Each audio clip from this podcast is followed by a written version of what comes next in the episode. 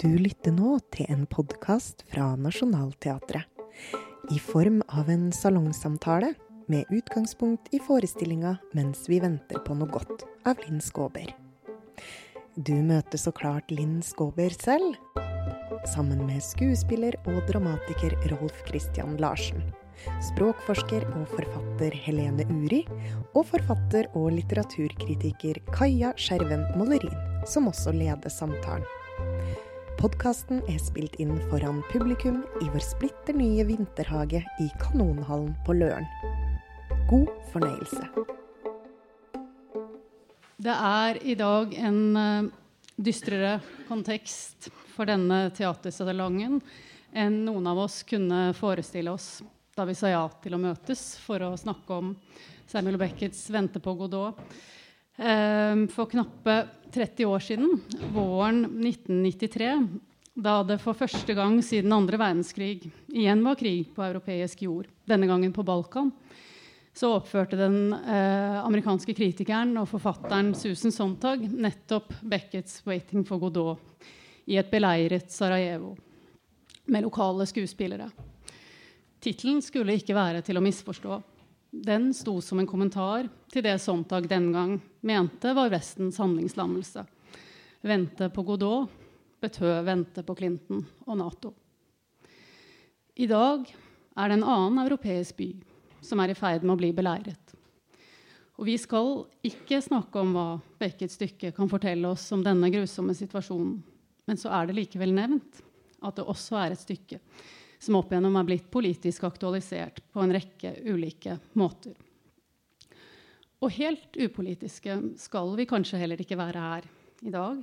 Det skal handle om kjønn, litt om eksistensialismen, litt om forvaltning av en kunstnerisk arv. Vi sitter i Kanonhallen på Løren i Vinterhagen. Og her i panelet sitter Linn Skåber, kvinnen bak forestillingen 'Mens vi venter på noe godt', eh, som for tiden også går på Nationaltheatret her på Løren. Um, I panelet sitter også Helene Uri, forfatter og lingvist. Og skuespiller, nei, dramatiker og skuespiller Rolf Christian Larsen. Jeg heter Kaja Skjermen eh, og det blir også gjort opptak av denne samtalen til podkasten Teaterprogram. Vi skal starte denne samtalen med å snakke litt om utgangspunktet. Dvs. Si Samuel Beckets 'Waiting for Godot', som hadde premiere i Paris i januar 1953. Hva slags stykke er dette, syns dere? Det er et åpent spørsmål som går til dere alle. Nei, altså det, det, eh, det, er jo en grunn til at jeg eh, på en måte har vært litt eh, besatt av det, da.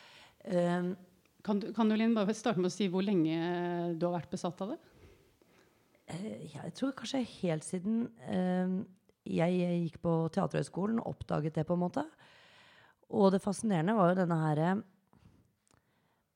dette er liksom begynnelsen på absurdisme. Da, at noen tør å, å, gjøre ting man ikke forstår. Man får ikke samla alle trådene. Et ganske skummelt rom å være i for oss mennesker, som er vant til at ting går opp når vi skjønner noe. Og det å At han tør å la oss være i dette ventende rommet hvor man ikke vet helt hvor man er. Hvor, hvor alt, uh, du ikke kan finne noen linker som uh, minner om en verden vi kjenner igjen. Og allikevel la de snakke som oss det er ganske skummelt på en underlig måte hvis du er et menneske som liker å samle trådene. Men hvis du slipper de trådene, så oppstår det liksom noe magisk med det stykket. Og det underlige med det er jo det at på en måte, Det skal jeg komme tilbake til etter hvert. For det var en grunn til at jeg likte det så godt på teaterskolen. Det vil jeg gjerne komme tilbake til. Fordi jeg også har en følelse av at dette stykket på en måte alltid har levd et liv utenom stykket. Hvordan da? Hva mener du med det? Eh, jeg kan ta noen eksempler. Eh, altså for det første ble det refusert i Paris eh, fire ganger før det var noen som antok det på et teater. Og da var det nok disse her som turte å, på en måte ikke forstå. Det var veldig mange intellektuelle, og sånne ting, men, men de fleste gikk i pausene. Dette orka de ikke å forholde seg til. Det var både kjedelig og, og vondt, kanskje. Jeg tror kanskje det. Og så taxisjåføren i Paris elsket Godot. For de visste at de kunne bare stå utenfor i pausen, så strømma folk ut. For de ville hjem. Åssen har det vært her, da? Hva sier du? Hvordan har det vært her? Her har det ikke vært sånn. Jeg har skrevet et kortere stykke, for jeg har en sånn hjerne så jeg liker kortere ting. Så, så det har jeg sørget for at det ikke skal bli kjedelig. Da, kan jeg garantere i hvert fall. Det kan være dårlig, men det er ikke kjedelig, tror jeg. Eh, I, I tillegg så er det en annen historie selvfølgelig som, er, eh, som jeg ble besatt av. Og det, nå snakker jeg veldig mye. Skal vi komme tilbake til den, så du kan spørre de andre om okay, det samme Vi kan la den andre historien ja. henge, og så kan gjør eh, det. Hel Helene få koble seg på. Ja, jeg var uh, også besatt da jeg leste 'Mens vi venter på Godot'. Og jeg har jo hatt den på pensumlisten. Jeg har jo sett uh, Linns stykke nå, og der refererer dere til at det står på pensumlisten. Og jeg har jo hatt det, og har med meg den boken fra da jeg tok fransk grunnfag for 150 år siden. Med notater. Med notater og gloser. ja. Uh, og jeg var også veldig fascinert over at det gikk an å skrive noe sånt som ikke henger sammen. Og jeg husker veldig godt at det sto skrevet om stykket at dette er et skuespill der det ingenting skjer to ganger. Ja, ja. Det syns jeg var litt uh, fascinerende. Og jeg, fikk, jeg ble ordentlig besatt av Beckett og leste veldig mye av han i en periode. Jeg tror det er mange av de samme grunnene som Linn eh, angir her. Rolf Christian, har du noen tanker om dette? Ja, altså jeg ble ganske sånn eh, Jeg vet ikke om jeg ble besatt, men jeg ble ganske betatt av absurdismen eh, da jeg gikk på videregående. Og da tenkte jeg at jeg forsto veldig mye av det. Eh, og for meg var det egentlig 'Den skallede sangerinne' av Ionesco som var liksom det første absurdistiske stykket som traff meg. Og det handler egentlig, det har de en sånn lang sekvens hvor de snakker om hvor har vi kjøpt middagen, og ertene var gode, kotelettene var gode. En sånn lang samtale om egentlig ingenting. Og den tenkte jeg sånn Det er sånn det er å ha middag hjemme hos meg. Så jeg kjente meg veldig igjen i det, og, og slukte alt av Ionesco. da. Og det, det var jo like mye fordi jeg gikk på videregående, så ble det en slags, slags sånn eh, En frakk jeg ikledde meg, da. Eh, og jeg leste mye Beckett òg, men jeg må innrømme at jeg skjønte aldri helt Beckett. Eh, jeg skjønte ikke mens vi venta på Godot. Og så leste jeg det igjen nå, før jeg skulle gjøre denne her eh, panelsamtalen, bare for å prøve å være litt smartere. Eh, og da kjente jeg meg plutselig veldig igjen. Eh, det var et eller annet med det der at jeg er midt i et småbarnsliv akkurat nå. eh, to små gutter. eh, og det der å vente på at noe De skal bli voksne? Ja. Vent, ja. og det spesielt når man har to, da. For det med han eh, eldste så har det vært litt sånn, han har vært litt sånn i, i det man kaller eh, trassalderen. Eh, og da kan jeg gå og tenke sånn OK, men nå skal han bare bli liksom litt større, han skal bare skjønne litt, og kanskje hvis vi får til, så Og så ser jeg bare bort, og så har jeg jo en til. Jeg har en til som skal gjennom dette. Eh, og da kan jeg kjenne veldig på dette her med liksom Det som jeg tror Godot beskriver veldig universelt, og som For å komme litt inn på temaet her, da, som jeg ikke Jeg, jeg kan forstå veldig godt at dramatikere eh, har en, eh, et, slags eierforhold, og at det er viktig for dem eh, hvem som skal gestalte rollene. Men jeg skjønner ikke Beckett. Eh, det forstår jeg ikke. Jeg forstår ikke hvorfor akkurat Vladimir og Estragon må være menn. Eh, fordi at for meg så er det like mye meg og samboeren min. Eh, eller at det kan være meg og han eldste sønnen min som venter på at Heidi skal komme ut av butikken. Eh, da kan jeg òg kjenne den der sånn Kom an, og liksom Bare det er viktig bare å presisere at uh, um, Beckett uh, vil altså at det ikke skal skiftes noen kjønn. da. Så menn skal heller ikke spille, spille kvinner. Bare så det ikke er, det er ikke bare til dette stykket, men det gjelder alle andre stykker. da. Men da sa Rolf Kristian at han har nesten bare skrevet stykker for menn. Ja, jeg tror han Det er mange har- menn i Beckets eh, bøker òg. Jeg tror Beckett har liksom to, tre kvinneroller. Eller et, altså jeg tror det er kjempefå kvinneroller. Eh, Det er ei dame i Lykkelige dager eller Lykkedager. Happy Days, ja. Var det noen som sa her? Ja, i Happy Days er det ei dame. Men jeg vet ikke om det er så mye så mange flere. Så. Vi kan eh, komme litt tilbake til dette med kjønn etter hvert. Jeg vil bare eh, høre mm, litt til om akkurat dette utgangspunktet. da. Altså, har, har dere noen tanker om hva det kan ha hatt å bety at det kommer så tett på andre verdenskrig? Altså, mm, det er jo bare noen år. Han begynner vel å arbeide med Godot i 1948. eller noe sånt. Altså, tenk på dette med det absurde, det uforståelige. Det er utgangspunktet for hele absurdismen, egentlig, er jo andre verdenskrig. var at det, det opplevde, alt, Hele verden opplevdes så meningsløs, og man, man ble jo ordentlig kjent med eksistensialisme eh, i de årene. Så det er vel egentlig utgangspunktet for all absurdisme, tror jeg. Ja, helt overbevist om. Mm. Nei, det er helt overbevist om at det er et slags tomrom uh, som oppstår. Og, og på å si, de store katastrofene kan jo være uh, si, mindre for mindre, hvis man ikke bare tar krig, men hva som oppleves som katastrofer i seg selv. Så er det jo nettopp dette tomrommet etter, etterpå. Det er det man får en følelse av med Beckett. Og jeg tenker på deg også, Rolf Kristian, som sier at du oppdaget dette på gymnaset, og det syns jeg ikke er så rart, da. Fordi der har det antakeligvis vært en liten verdenskrig inni deg òg. Og et tomrom som, som oppstår bare i å være 18 eller Ja. ja, så jeg syns det også har vært så veldig, veldig eller, hyggelig med dette stykket at veldig mange unge mennesker kjenner seg igjen i det. Det synes jeg Altså Jeg la jo et kjønnsperspektiv på det med en gang. Jeg tenkte at han sa det bare for å være bedre enn oss. Ja. At han Mm. oppdaget det liksom allerede på gymnaset, mens vi oppdaget det senere. Og sånn menn er vi det er sånn. Helene har tenkt til sitt. Da hadde vi høy hestehale på huet og gikk og drakk seg vin og kosa oss. Vi. Ja, det gjorde vi. Så jeg tenkte ikke på Beckett da. Nei. Nei, men ok. Eh, det er altså en konf Det har vært eh, en slags konflikt eh, Ja, rundt eh, dette og, mm, Altså mm, oppsetningen av Ja. dette stykket. Det var egentlig meningen at du selv skulle spille en av Ja, det var det jeg spurte om, om å få spille mens vi venter på Godot med Ine Jansen.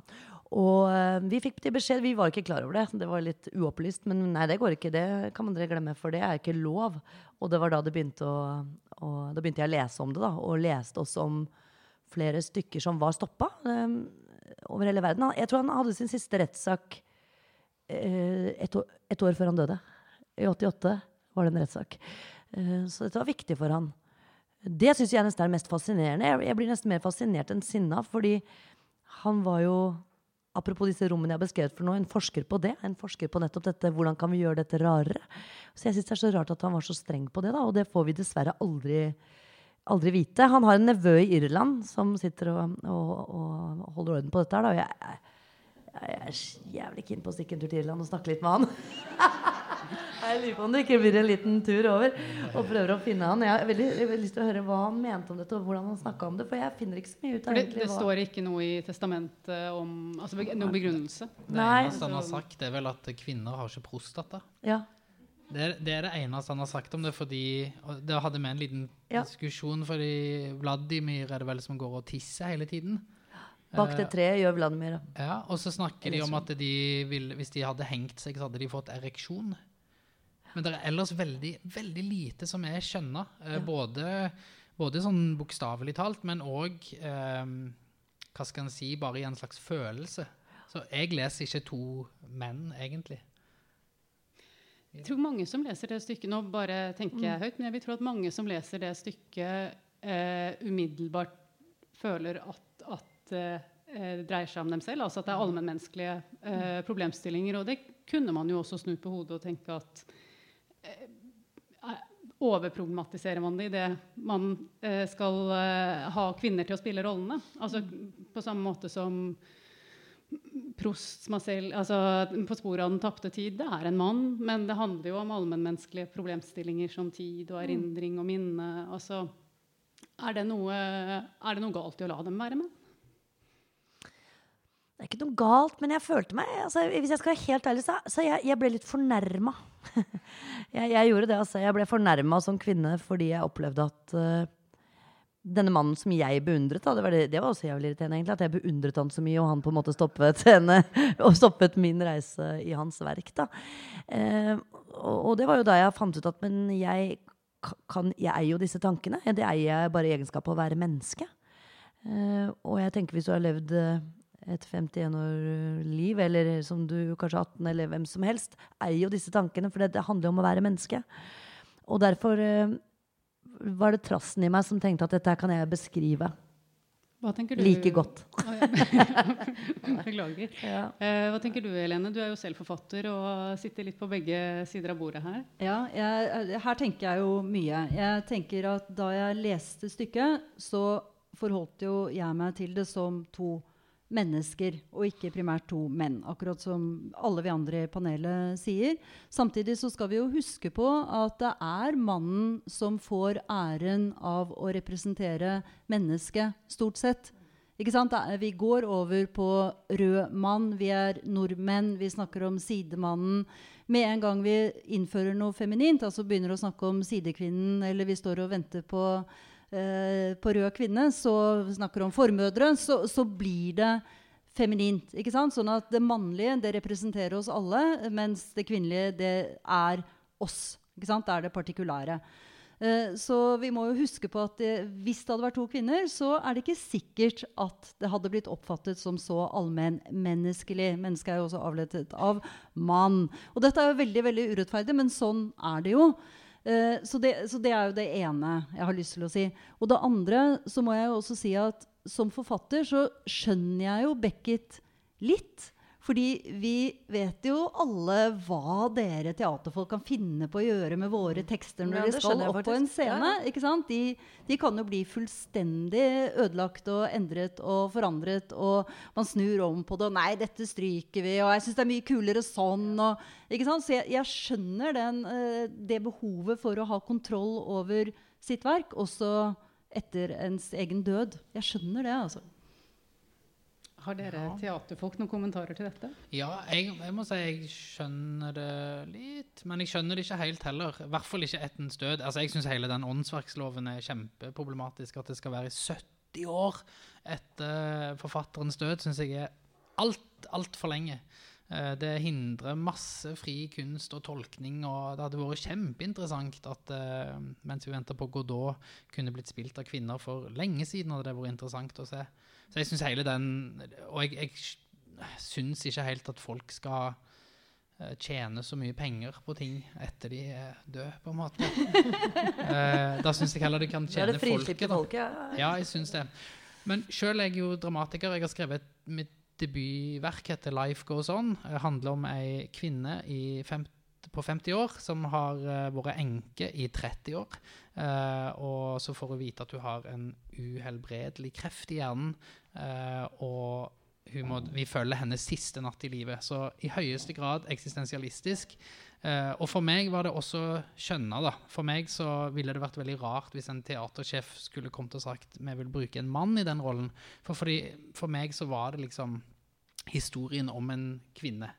Um, og det er det mange spesifikke grunner til i stykket, men, men for meg var det viktig. Så, så da kunne jeg liksom tenkt at det, nei, det vil jeg som dramatiker bestemme at det skal være en kvinne.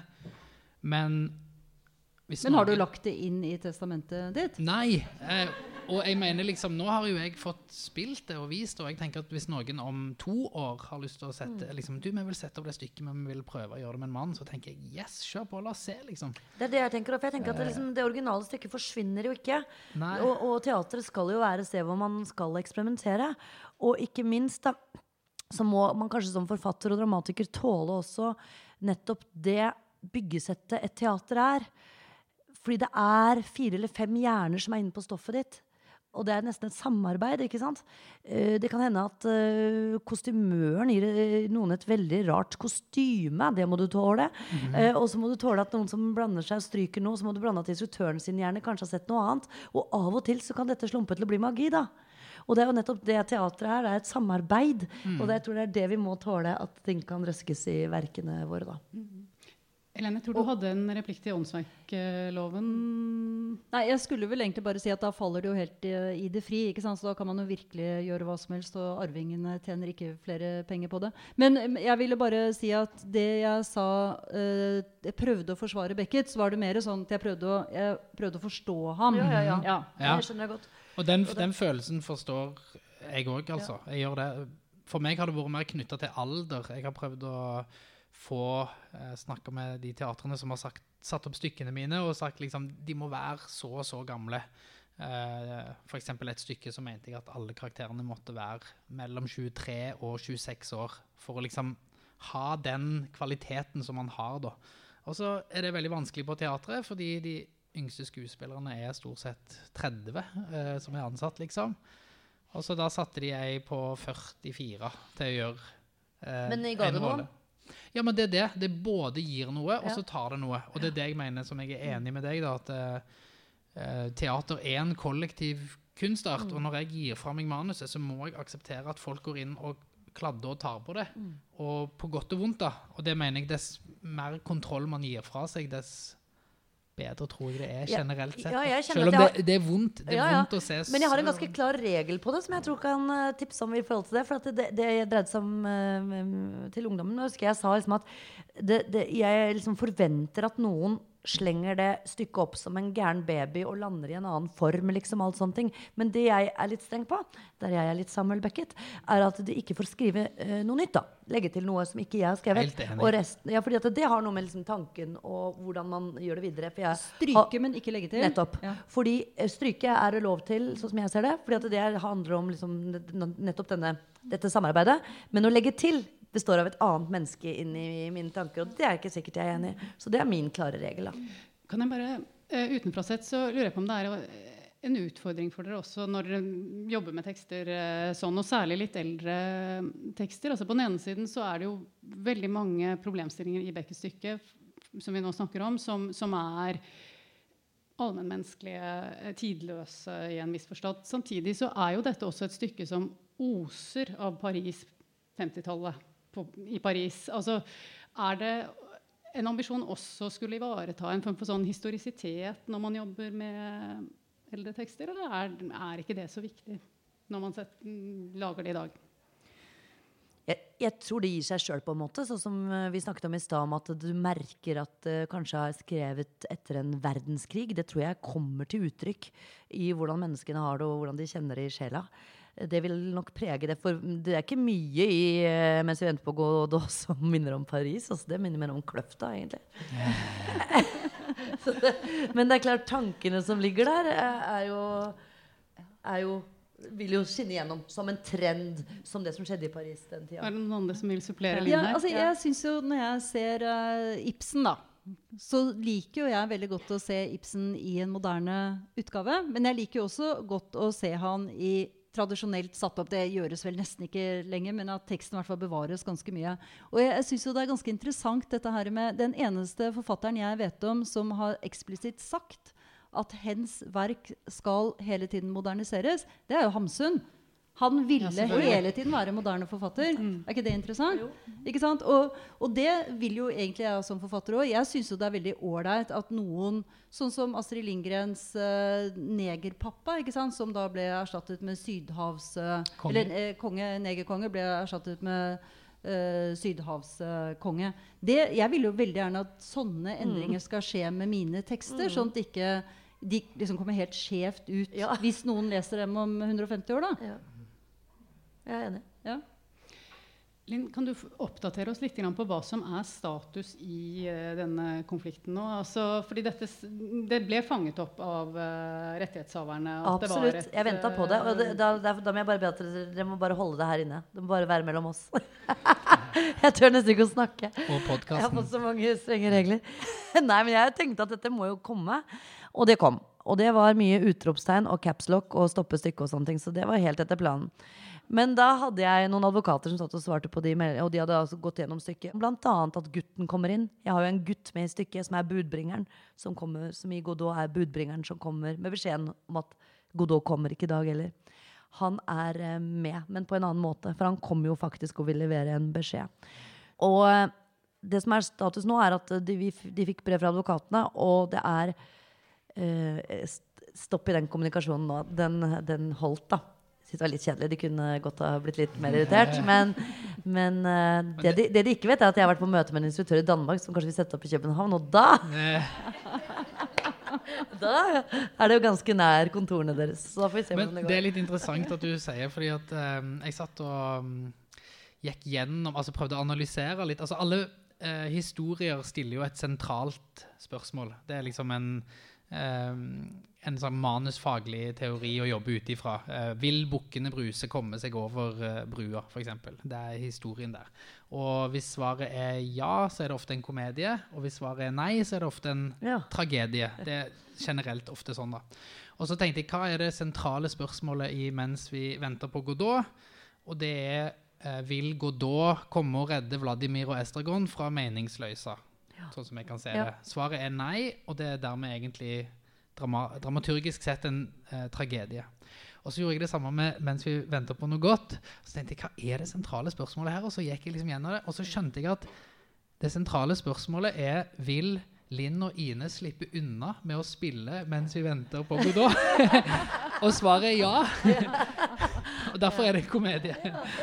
Så, for jeg skjønte at det er jo liksom Det er det det hele tiden handler om. Fordi at dere er så nær, liksom. Men å, ikke helt, ikke helt. Det er sant, det. Ja. Så det, ja. Godt, uh, godt tenkt. Hva, hva Men ja, for du? du, har sluppet unna? Det har ikke vært noe liksom eh, Nei, jeg har ja. ikke blitt kidnappa ennå. Gleder meg. Men er dette en feministisk eh, kamp for deg? På en måte er det jo, men det som står i veien for det, er jo denne beundringen for Beckett da, og hans uh, fantastiske tekster. Så det er en slags, jeg, jeg anser det personlig som en, en hyllest til eh, det han har gjort. Og, og den lille dumme haka med det kvinnegreiene, liksom. Men at her lever stykket videre. For det opplever jeg på en måte at det gjør. Selv om uh, jeg, har, jeg har gjort min egen versjon, da. Ja. Så en hyllest også en sånn liten finger opp. Jeg vet jo hvordan Beckett tenkte. Ja, litt er det det, altså. Jeg vet jo litt, Nå kommer jeg tilbake til den historien jeg Ja, skulle det fort-. Ja, fordi at den, den passer bra inn her. Dette med at jeg sa at dette stykket lever på en måte sitt eget liv på egen hånd. Om du så forsøker å grave det ned med jord på, så stikker det liksom opp kvister. Og jeg vet en historie med Beckett fordi det var en som het Jan Jønsson, som jeg var og hørte på foredrag med da jeg gikk på teaterskolen og var kanskje 23. da. Jeg ble helt besatt av, eh, av det han hadde opplevd. Fordi han var en skuespiller som hadde tatt mens vi ventet på Godot, og satte opp i fengsler. San Quentin og sånn med liv, livstidsdømte fanger. Som aldri skulle slippe ut. Og han tenkte her vil jeg spille mens vi venter på Godot. Og det ble noe av liksom det sterkeste eh, Han, han slutta å jobbe som skuespiller, for han tenkte jeg kan ikke spille skuespill etter dette, for de forteller det på ordentlig sin historie. At de kommer aldri ut herfra. Så han tok dette her vellykkede prosjektet, på en måte.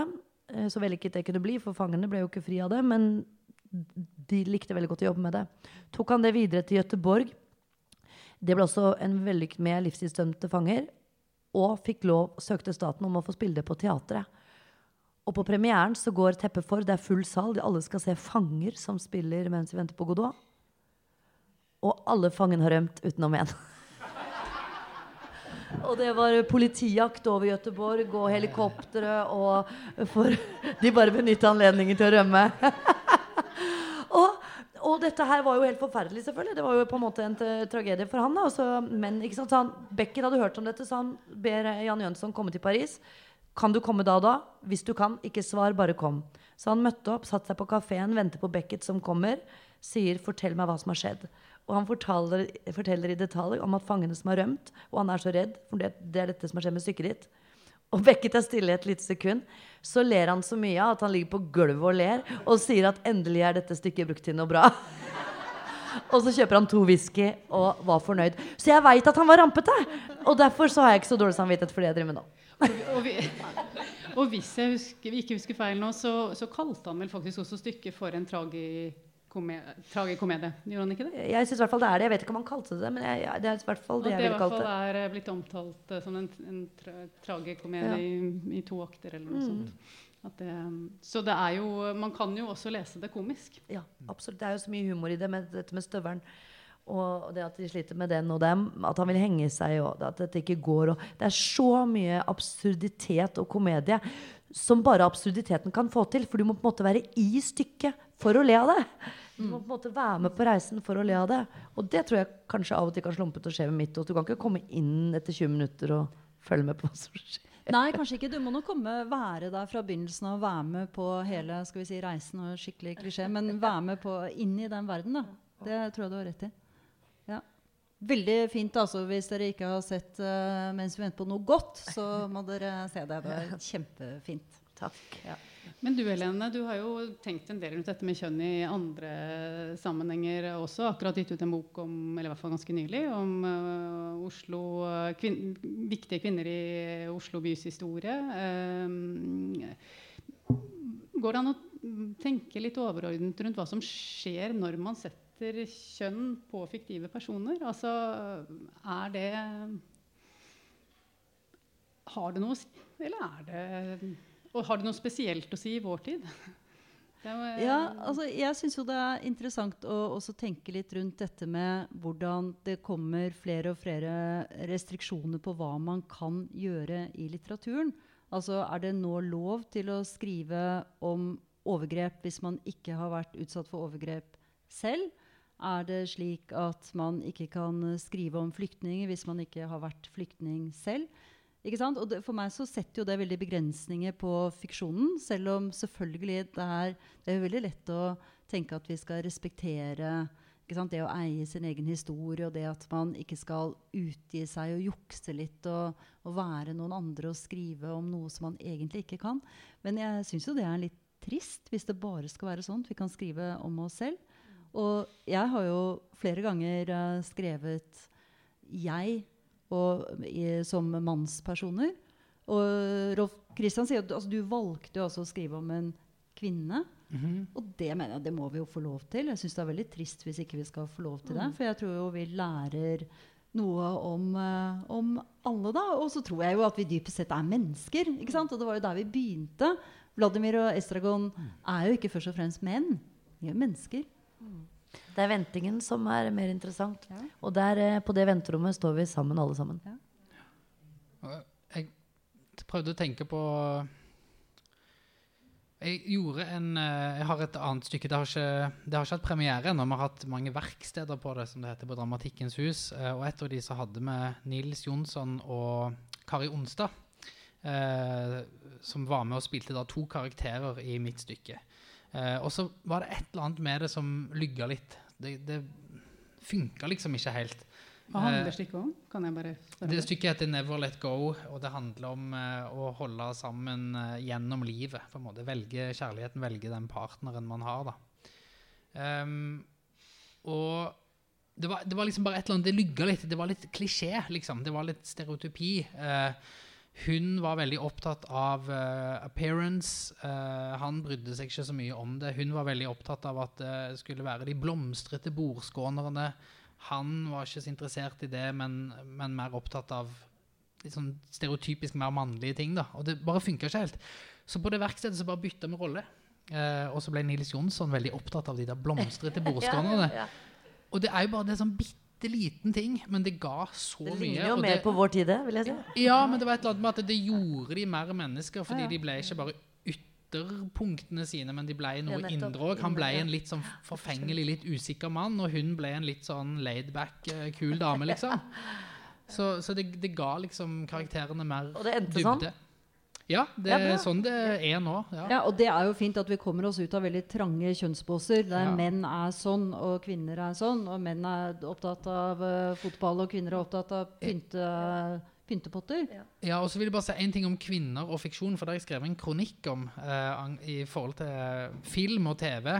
Eh, for det at der har det vært en tendens til at det, det har mangla kvinneroller. Eh, vært kjempevakuum der, da.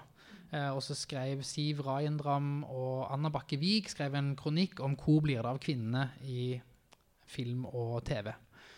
Eh, og så var det ikke så mange svar på hvor de blir av. eh, og da hadde jeg noen teorier. Og en ting som skjer ofte når man setter kvinner som protagonist, er at de får et kjønnsspesifikt problem. Nettopp. Eh, sånn at bare det første jeg kom på nå, var Mulan. Eh, Disney og et, for øvrig et ancient kinesisk eh, folkeeventyr.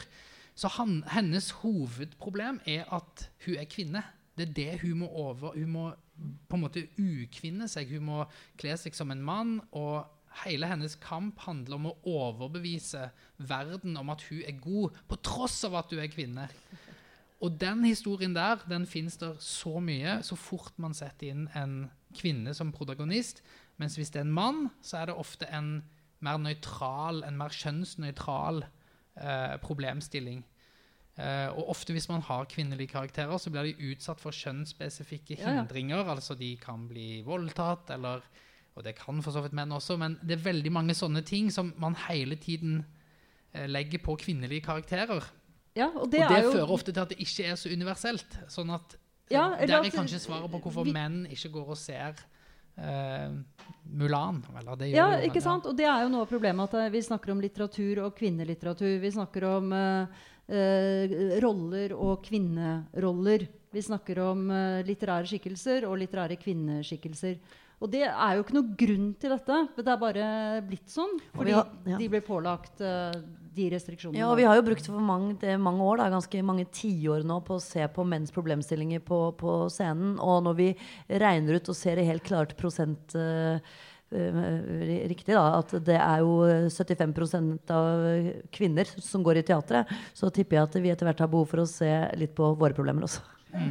Men det, det, og det mener jeg virkelig. eh, Alle de historiene som er kjønnsspesifikke, de må vi fortelle. Vi må fortelle de kjønnsspesifikke mm. historiene. Men eh, så fort man har en historie som er kjønnsnøytral, så må man kanskje bli litt flinkere til å sette en kvinne inn i den eh, rollen også, som, der problemet på en måte er mer objektivt. da. Kvinner må også få lov til å representere mennesket, akkurat som eh, det ikke skal være sånn Og at ikke bare det sitt eget er kjønn. Ja, ikke er sånn Da Vincis Det er menneske, ikke sant? Men, eh, Senest eh, ja. som jeg var med i, Heimebane, der var det Andal Torp som var protagonist, hovedrollen. Eh, seriens sentrale spørsmål var vil en kvinne klare å lede et herrelag. Ja. Det er en kjønnskamp hele tiden, og det må vi eh, litt bort ifra, eh, tror jeg. Eh, vi må sette kvinner inn i Altså manusforfattere, dramatikere, regissører. Vi må plassere kvinner i som protagonister uten at de hele tiden må overkomme eh, sin egen kjønnsidentitet. Her blir jo ofte også eh, alder et tema. Eh, altså Kjønn og alder hører jo eh, litt sammen i film- og teaterverden. Det er i hvert fall ofte problemstillinger som blir diskutert mm, samtidig. Altså, er, det, er det noe å kommentere, eller er det for selvsagt? Det, det spørs på hvilke stykker som settes opp. ikke sant? Man kan jo godt si at ja, men det er mest menn som har uh, hovedrollene. Det er fordi det er skrevet for det meste uh, hovedrollene for menn. Og øhm, i alder også, ikke sant. Uh, Hilde Wangel er den unge som kommer inn. Så det er bare å skrive Er det ikke bare å skrive nye, nye stykker, da? Og eldre damer. Og, og blande, som du sier, ikke nødvendigvis Kanskje sette kjønn på en gang, men nettopp la nettopp den ideen og det du har lyst til å formidle, være det første. Og det som er interessant for å, å se på for alle mennesker som går i teatret, eh, det, er, det er vel det. At ikke kvinner jakter på menn, og menn jakter på meningen med livet. Det er veldig mange kvinner Det er jo sånn. Det er jo det er veldig mange kvinner som har Det er noen kvinner som jakter på kvinner òg, vet du. Ja, ja, absolutt. Ja, ja, det er for all del. Um, nei, men altså, det, det, er, ja, det er kjempeviktig alle, å få med alle de tingene. Og det er mye mer spennende stykker. Og, og jeg ville mye heller sett det. Og som sagt, 75% av kvinner går i teater. Så. Ja, Nei, av, bare- menneskene går i teater. Se her bare, har, Jeg har telt tre Ja. menn. Tre menn Ja. teller jeg. Ja. Det, det er bra, dere tre. Det er bra. Um, Nei, men det er jo det fantastiske òg med, med dette um, Det må vi jo si at det er det beste som har kommet ut av dette eh, dumme forbudet som Beckett Ja. har lagt ned. Det er jo mens vi venter på noe godt. Tenk å komme et helt nytt eh, kunstverk som vi alle kan se. Eh, det er jo det beste, liksom. Det er kjempefint. Eh, og det er ikke så veldig lenge til vi skal eh, gå inn for landing her. Jeg holder på noen minutter eh, til. Men jeg, jeg er også litt interessert i, Linn, om du kan si litt grann om hvordan du forholdt deg til eksistensialismen da du laget eh, dette stykket. Altså, du trenger ikke å si sånn veldig strengt filosofisk, men bare altså, som tankeretning. Og Ja. som, vi har jo kretset litt rundt det, men det Ja. interesserer meg litt. Det er jo vanskelig å si, for jeg, tror ikke, jeg vet ikke om jeg har fått til det. For det er jo en grunn til at Beckett er uh, kjent i Europa. Og jeg bare er kjent i Norge. Ja, nå skal du til København, da. kjent, ja. uh, nei, uh, men jeg har nok forsøkt mye med tanke på litt av det vi snakket om i begynnelsen med denne tomheten etter en krig. Og, og hvilken som helst krig, egentlig. Altså sånn tomheten etter en krig i seg selv. Forsøke å søke rommet. Forsøke å søke også det Hva er det vi gjør for å slippe å være i det rommet? Eh, hvordan er det vi jobber med det? Vi forsøker å engasjere oss, være her i kveld, oppdra barn, eh, spise god mat. Finne måter å forvirre seg på. Men jeg må si at eh, det største komplimentet, og at jeg kjenner litt at jeg liksom har liksom nådd en eller annen streng i noen med disse stablingene av disse forvirrethetene vi driver med, det er liksom kommentarer på at, at jeg, jeg har lyst til å leve annerledes etter at jeg har sett stykket. Hva er det jeg venter på, egentlig? Hvorfor venter jeg hele tiden på neste tog, neste sjanse? Den opplevelsen håper jeg folk får Uh, og da er vel svaret på de tre bukkene Bruse over elva liksom at ja da, de kommer over, de bare kommer over på en annen måte. eller noe sånt. Så jeg har lyst til at folk skal komme over den brua og bare egentlig bare reflektere litt over hvordan vi lever, og tørre å orke å stå og se litt på den tomheten, og egentlig like det litt. Og jeg fikk mer den følelsen av å lese ditt stykke enn eh, Beckett. Så En ting jeg tenkte etter å ha lest begge nå ganske nylig, var at uh, dette med det frie valget Altså at man alltid Eller i de aller fleste situasjoner i livet så, man, så har man muligheten, noen ganger innenfor en bitte liten flate, andre ganger innenfor en større flate, til, til å velge. Altså velge noe bort, velge noe annet. Man kan hvert velge holdningen sin. Ja, ikke sant? Eller snu noe inni seg, slik at man har muligheten til å komme seg ut av tomrommet. Eller hvis du er tøff nok, da, inn i det tomrommet. Og det er menneskelig, og verken spesifikt mannlig eller spesifikt kvinnelig. Det har også en nydelig åpningsscene, dette stykket ditt, Linn. Jeg tenker på Det er et, barn som står i strandkanten med um, havet som skyller inn. Og etter hvert blir havet den lille Oslofjorden eh, altså at Etter hvert som barnet vokser, så blir alt rundt mindre. Det, det, det, sier kanskje også noe om hvordan perspektivet endrer seg med tiden. Det er helt riktig. Men jeg vil på en måte, i den monologen så forsøker jeg å skape klamheten allerede på det vi skal inn i. Vi tror at livet er det største vi har, og så plutselig skjønner vi at uh, man kan egentlig se livet ovenfra. Og det du trodde var evige hav og evige utforskningsmuligheter, er plutselig mellom Hvitsten og Hurum, da, som jeg har skrevet det. Som gjør at du på en måte Jeg forsøker å jobbe folk litt inn i den det, At det er nær deg, og at du ikke nødvendigvis kommer ut, uh, ut av det. At det er mindre enn man trodde når man først ble født.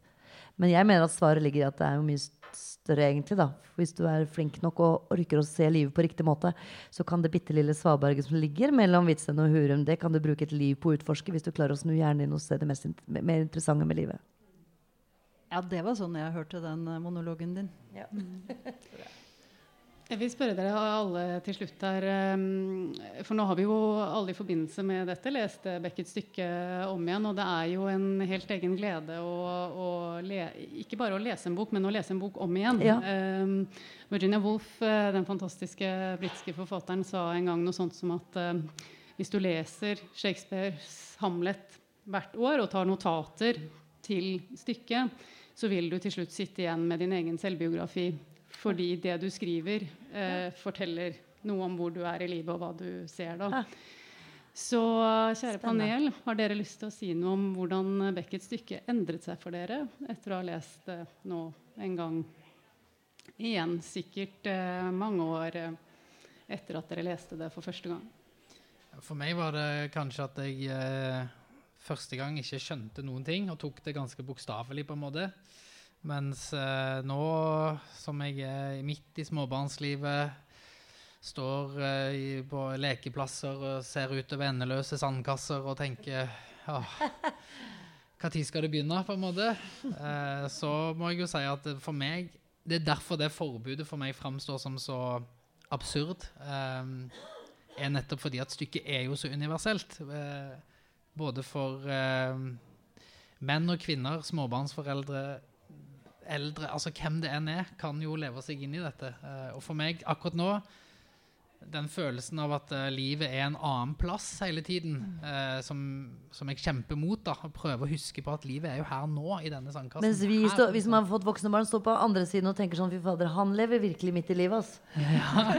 ikke sant? Så, at, så, ja. så, sånn kommer vi til å ha det hele livet, hvis ja. ikke vi bare bestemmer oss for å leve her og nå. Men jeg tror jeg må gripe ordet sånn at du får avslutte. Ja, jeg, jeg sitter her og, og hører at Ine varmer opp der borte.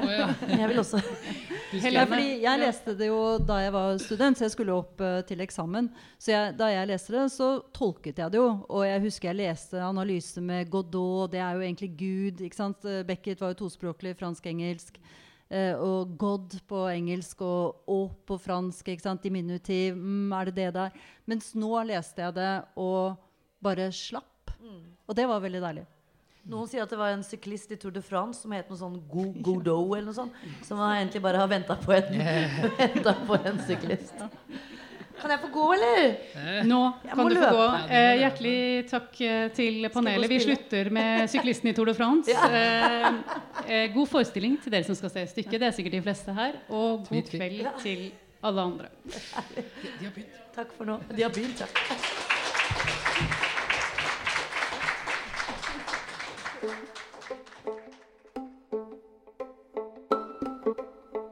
For at du hørte på Nationaltheatrets podkast Teaterprogrammet, og denne salongsamtalen som ble tatt opp i våre nye publikumslokaler i Kanonhallen på Løren. Ideen til salongsamtalen var ved Merete Stuedal. Lydteknikere var Arne Gamstsæter og Olav Erik Johansen. Og produsent, det var meg, Åsta Hoem Hagen. Mer informasjon om forestillinger og arrangementer finner du på nasjonalteatret.no. Følg oss gjerne også på sosiale medier for mer innhold produsert på, bak og rundt scenen. Håper vi ses i teatret.